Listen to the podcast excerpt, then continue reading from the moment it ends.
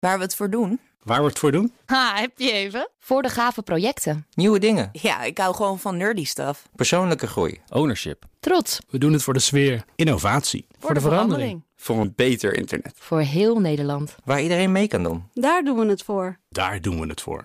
Waar doe jij het voor? Kom werken voor KPN en groei op jouw manier. Check de actuele vacatures op het gebied van data, security, development en networking op jobs.kpn.com/tech. Wetenschap vandaag. We zijn uh, uh, te gast in de studio van Tivoli met BNR Nieuwsradio. Wetenschap vandaag, onze wetenschapsrubriek. Vanaf het Bedweter Festival dit keer. En ik heb het genoegen om daar wat uh, onderzoekers te ontmoeten die hier experimenten doen. Die komen dan even langs bij mij in de studio. Op dit moment is dat Sarah Dursten. Ja. Biopsycholoog. Ik vind dat al een hele mooie titel. Ik heb die niet heel vaak voorbij horen komen. Wat doet een biopsycholoog? Ja, dat een uh, biopsycholoog is iemand die uh, zich gespecialiseerd heeft in de biologie van de psychologie of de psychologie van de biologie kan ook nog. Um, en basically dus zich voorbereid heeft om hersenwetenschapper te worden, wat ik dus ook geworden ben. Ja, uh, en, en, misschien zelfs in jouw geval af en toe nog wat verder dan die hersenen kijken. Ja, ik ben, mij, ik ben er ook weer, uh, weer een beetje, nou niet van afgestapt, maar ik ben wel dat weer wat breder gaan trekken. Inderdaad. Ja, ja. daar gaan we het zo uitgebreid over hebben. Want waar kijk je in, in brede zin misschien eerst even naar in jouw eigen onderzoek? Ja, nou in het onderzoek waar we ook nu hiermee staan, dat is uh, het, het, uh, het zogenaamde labelingproject, noemen we dat een beetje oneerbiedig. Ja. En dat gaat over uh, de, de gewoonte die we hebben in de maatschappij om labels, dan wel psychiatrische klassificaties, diagnoses toe te kennen aan individuen en in het bijzonder aan kinderen. En wat we daar dan eigenlijk mee doen. In zowel goede als slechte zin. Bedoeld, onbedoeld. Afhankelijk van de context. Afhankelijk van de gebruiker. Wie gebruikt dat label? Wat willen ze ermee? Ja. Dat heeft uh, ja, positieve kanten. Maar kan ook onbedoelde bijwerkingen hebben. En dat proberen we in kaart te brengen. Ja, lijkt me ook niet makkelijk. Maar ik nee. heb ook het idee dat dat dat een beetje een golfbeweging heeft. Dus dat we het eerst heel erg deden. Toen uh, was dat absoluut niet meer de bedoeling. Nu doen we het misschien wel weer wat meer. Is dat inderdaad zo dat er, dat, dat wisselt? Labels. Ja, het gebruiken van, van, nou, die heeft duidelijk dit en die ja. heeft duidelijk dat. Nou ja, dat, ja, er is zeker wel uh, verloop uh, in, in hoeveel diagnoses worden toegekend. Wij kijken veel naar ADHD. Dat heeft een tijd lang een enorme vlucht genomen. Er is een enorme toename in het aantal ADHD-diagnoses een aantal jaren lang. En dat is nu weer een beetje gestabiliseerd. En misschien zelfs weer een beetje aan het afnemen.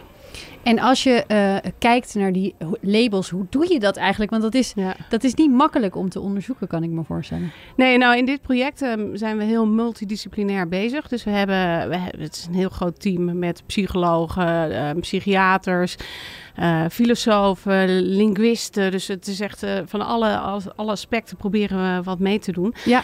Um, en wat we nu simpelweg hier vanavond aan het doen zijn, is maar één klein project uit het hele grote onderzoeks, onderzoeksgebeuren.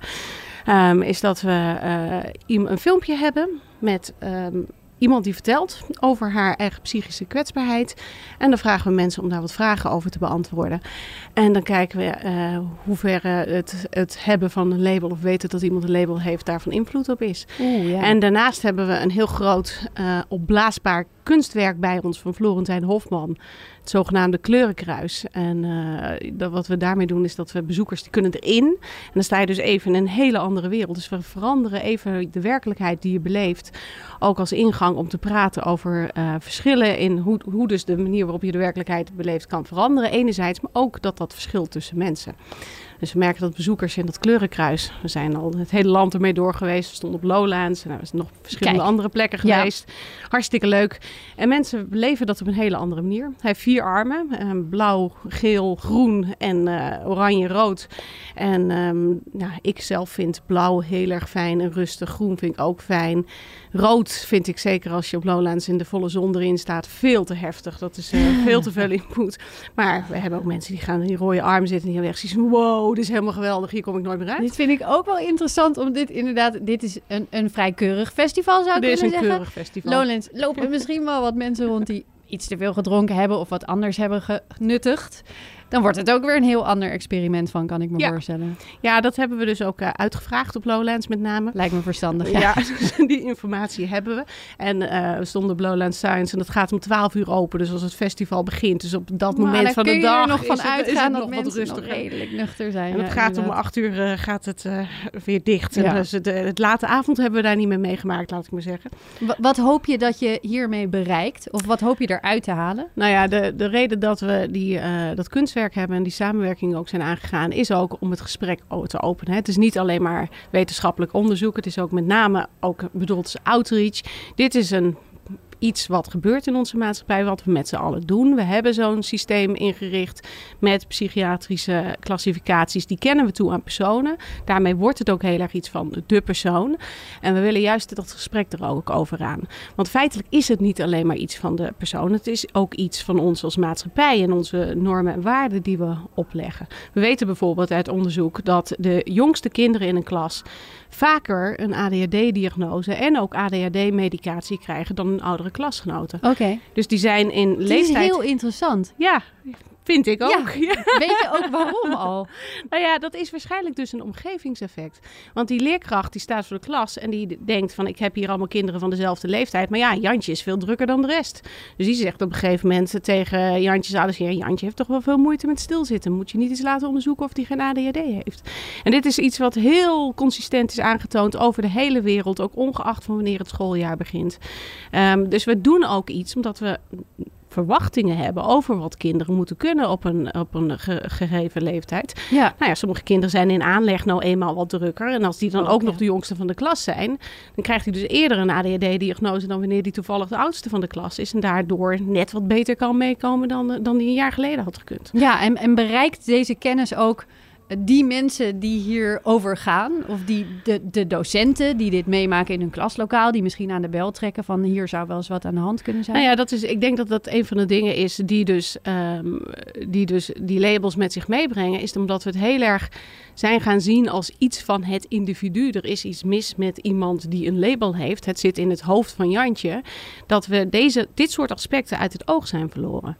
En eh, dat is juist de dialoog die we ook willen aangaan. Dat is ook wat we laten zien en proberen te laten zien in de onderzoeken die we doen. We, ik zei net, we hebben filosofen aan boord. Een van de, mijn collega's, Sander Werkhoven, heeft een, eh, een eh, ja, prachtige analyse gemaakt van de verschillende contexten waarin labels gebruikt worden. En wat er dan de verwachtingen zijn, maar ook de, de positieve effecten en de negatieve effecten. En we proberen dat, dat gesprek nu ook aan te gaan in de maatschappij. In plaats van dat je dus alleen maar een, een padstelling krijgt die, tussen mensen die zeggen ADHD bestaat niet of ADHD bestaat wel. En we hebben het laten zien in de hersenen, dus het bestaat. En eh, ja, maar die verschillen zijn zo klein dat zegt niks, dus het bestaat niet. Ja, weet je. De- En daar gaat het dus ook niet Daar alleen maar gaat over. het niet over. Of Het het nou gaat- wel of niet nee. zo is. Het gaat erover hoe gaan we ermee om Precies. en wanneer. En we hebben hier een verantwoordelijkheid. Hè? Ja. We maken een keus om eh, dit soort klassificaties te gebruiken. Die zijn ontwikkeld vanuit de beste bedoelingen. Vanuit het idee ook dat we willen standaardiseren. Ze worden gebruikt in eerste instantie met de doelstelling om hulp te kunnen verlenen. Daar is helemaal niks mis mee. Maar we doen er dus ook een heleboel andere dingen mee waar we ons niet zo van bewust zijn. En ik kan me voorstellen dat het in eh, het beoordelen van een patiënt eh, eh, een functie heeft. Maar we gebruiken het natuurlijk ook als niet-artsen in de maatschappij, Ja. die labels. Ja, en tot op zekere hoogte is dat ook oké. hè? want het kan natuurlijk. ehm, het is veel makkelijker om te zeggen: Goh.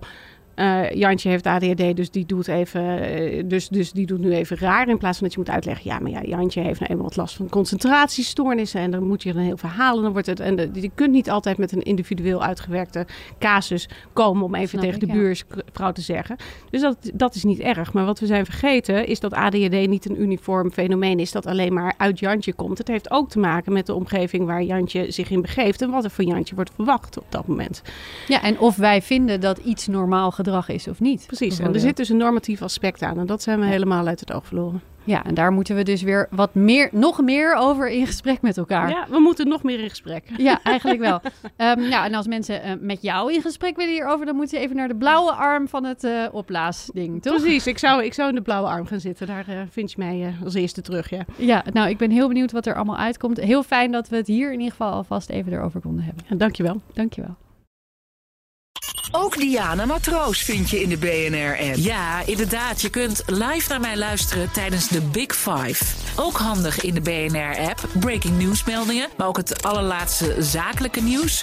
En je vindt in de app alle BNR-podcasts, waaronder Wetenschap Vandaag. Download nu de gratis BNR-app en blijf scherp.